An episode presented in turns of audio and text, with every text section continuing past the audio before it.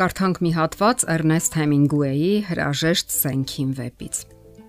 Գիշերները հրաշալի էին անցնում։ Ու եթե թեկուզ դիպչում էինք միմյանց, արդեն երջանիկ էինք։ Բացի ուրախության մեծ պահերից, մենք մեր սերն արտահայտում էինք նաև ուրիշ միջոցներով։ Ու երբ տարբեր սենյակներում էինք լինում, աշխատում էինք մեր մտքերը հերավորությունից հաղորդել միմյանց։ Երբեմն դա կարծես հաջողվում էր։ Երևի այն պատճառով, որ երկուսս էլ նույն բանն էինք մտածում։ Ինչ եք մտածում սիրո մասին։ Այն երկնքից է ընկնում, թե սովորում եք սիրելու արվեստը ողջ կյանքի ընթացքում։ Իսկ դուք կարողանում եք սիրել։ Բոլորն են ձգտում այդ կախարդական զգացմունքին։ Իսկ երբ չեն գտնում, սկսում են նախանձել այն մարդկանց, ովքեր կարողանում են սիրել եւ ասում են, որ նրանց բախտը բերել է։ Իսկ ահա իրենց բախտը ուղակի չի բերել։ Սակայն ասենք, որ եթե այդպես եք մտածում, ուրեմն երբեք էլ չեք կարողանա սիրել։ Ինչու՞։ Որովհետև իսկական սերը ընտրություն է։ Դուք ընտրում եք ոչ միայն թե ում սիրել, այլև ինչպես սիրել։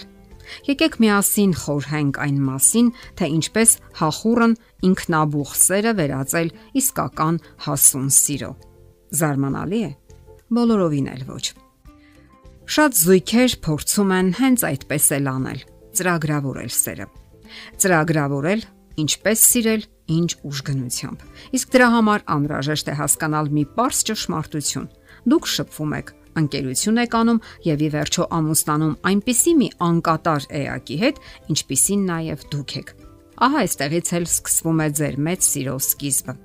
Սիրել անկատար էակին, նվիրվել անկատար էակին, Նշանակում է դնել սկիզբը այն մեծ ճանապարհորդության, որ կոչվում է հրաշալի ընկերություն եւ ի վերջո նաեւ ամուսնական ուխտ։ Դա իհարկե լուրջ ու բարդ խնդիր է եւ այդ պատճառով էլ մեր օրերում այնքան էլ շատ չեն հավատարիմ ու նվիրված մարդիկ, երբ մարդիկ սասանվում են ամեն մի թեթև քամուս, իսկ փոթորիկներից հետո պարզապես տապալվում են։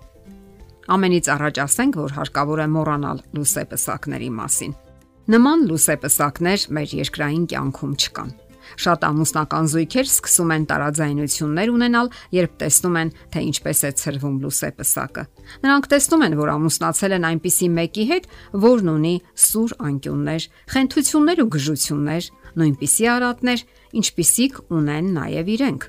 Այս պահին է, որ նրանք սկսում են հասկանալ, որ իսկական սերը դա բուրըն անվերահսկելի եւ եթերային զգացում չէ որ դա ընտրություն է, գիտակցական ու կամային ընտրություն։ Ընտրություն, երբ որոշում եք սիրել միմյանց, չնայած հանգամանքներին, չնայած դժվարություններին, աղետներին ու դժբախտություններին, չնայած աղքատությանը կամ հարստությանը։ Հասկանալի է, որ մենք չենք կարող ընտրել, թե ում հանդեպ համակրանք զգանք կամ ում հանդեպ հակում զգանք սակայն միևնույն ժամանակ կարող ենք ընտրել թե ում սիրել։ Կարող ենք ընտրել թե ում հետ ենք ցանկանում անցնել մեր կենսական ուղին։ Այստեղ մենք բախվում ենք համ ընդհանուր տարածում գտած կարծրատիպերի եւ ընդունված պատկերացումների։ Մեզ համոզում են, որ հետևենք մեր զգացմունքներին։ Մեր հասարակությունը փորձում է համոզել մեզ, որ զգացմունքները ամենակարևորն են Այդպես են գրում པարզունակ գրական ստեղծագործություններում, այդպես են երգում པարզունակ երգերում, որ գժվում են զգացմունքների բուրըն հեղեղից։ Հանճարեղ գրող Ալբեր Կամյուն այսպես է արտահայտվում. Սիրո մասին գրված գրքերը, որոնք սովորեցնում են սիրո մասին, սիրել չեն սովորեցնում։ Մարդկանց թվում է, թե պետք է հետևեն իրենց սրտի կանչին,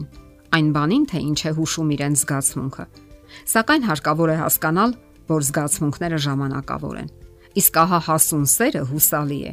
Այն նման է բևեռային աստղին, որ լուսավորում է մեր ճանապարհը եւ ցույց տալիս, թե ինչպես անցնենք մեր կենսական ուղին։ Այն օգնում է դիմանալու կենսական փոթորիկներին։ Երբ մենք հիմնախնդիրների ու ցավերի մեջ ենք, կարողանում ենք ուժ գտնել մեր սիրո մեջ, հատկապես երբ տեսնում ենք, թե ինչպես է մեր կողակիցը սատարում մեզ, մեր հանդեպ ունեցած իր հասուն սիրո մեջ։ Շատերը տապալվում են առաջին իսկ դժվարությունների ժամանակ։ Նրանք մանկական հակազդեցություն են ցուցաբերում կուտակված սև ամպերը տեսնելով։ Այդպես են անում, որովհետև իրենց կարծիքով սերը հանկարծակի բռնկվող թևեր տվող զգացմունք է։ Սակայն իսկական սերը միշտ չէ որ քնքուշ է, հաճելի ու ծաղկաբույր։ Դեպքերի մեծ մասում այն հոգնած ու կընտրոտված зерքերն են, մրից սևացած зерքերը, ճակատից գլորվող քրտինքի կաթիլները։ Որպիսի կինն ու տղամարդը սիրեն միմյանց, բավական չէ միասին ծիծաղելը։ Անդրաժեշտ է նաև ցավ պատճառել մեկ-մեկու։ Սա ֆրանսիացի կին գրող Ֆրանսուազ Սագանի կարծիքն է։ Իսկական սերը պահանջում է, որ դուք ջանքեր թափեք եւ դժվար բաներ անեք։ Ներեք միմյանց, մխիթարեք վշտի պահին։ Ոգեշնչեք դժվար պահերին եւ ձեր վրա վերցնեք պատասխանատվությունը։ Իսկական սերն այն չէ, ինչ զգում ենք հարսանիքի ժամանակ։ Դա շատ ավելին է եւ անհամեմատ ավելի գեղեցիկ։ Ահա թե ինչու հիշեք ու հաճախակի կրկնեք ձեզ համար։ Սերն ինքնին անկենթան է, եթե չի սնվում ձեր ջանքերով, սիրո գործողություններով եւ տարիների փորձառություններով, եւ ինքնին չի անհետանում, այն հեռանում է միայն ձեր կամքով։ Դա եւս ձեր ընտրությունն է։ Մարդիկ իհարկե կատարյալ էակներ չեն, սակայն հնարավոր է ընտրել կատարյալ սերը։ Սերն ավելի իրական է, քան նրա մասին ունեցած մեր բոլոր պատկերացումներն ու երազանքները։ Ահա թե ինչու ինչպիսի փոթորիկներ էլ սпасվեն ձեզ արջևում։ Դուք պետք է ծրագրավորեք եւ ընտրեք սերը։ Եթե դուք սիրում եք որևէ մեկին եւ նա էլ ձեզ է սիրում, լուրջ վերաբերվեք այդ սիրուն։ Պատրաստ եղեք պայքարել այդ սիրո համար եւ ջանքեր թափել։ Պահպանեք եւ խնամեք այն, ինչպես ծաղիկներն եք խնամում, կանոնավոր ջրում եք, ապա հեռացնում ավելորդությունները, փխրեցնում հողը։ Հնարավոր է դա աշխատատար է, սակայն ուրիշ ինչպես էիք պատկերացնում իսկական սիրո գոյությունը կամ գոյատևումը։ Սիրել նշանակում է անդադար պայքարել հազարավոր խոչընդոտների դեմ մեր ներսում եւ մեր շրջապատում։ Գրել է ֆրանսիացի դրամատուրգ Ժան Անոյը։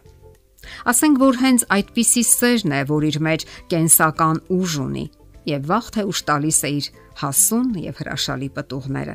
Եվ այդ պտուղները գեղեցկացնում են, համ ու բույր են հաղորդում ոչ միայն մեր զգացմունքներին, այլև իմաստավորում են մեր ողջ կյանքը։ Երիտասարդական սերն իր մեջ ուժ ունի վերածվելու հասուն եւ ստեղծագործ սիրո, եթե միայն ջանքեր գործադրվի դրա համար։ Եթերում է ճանապար երկուսով հաղորդաշարը։ Ձեզ հետ է Գեղեցիկ Մարտիրոսյանը։ Հարցերի եւ առաջարկությունների համար զանգահարել 033 87 87 87 հեռախոսահամարով։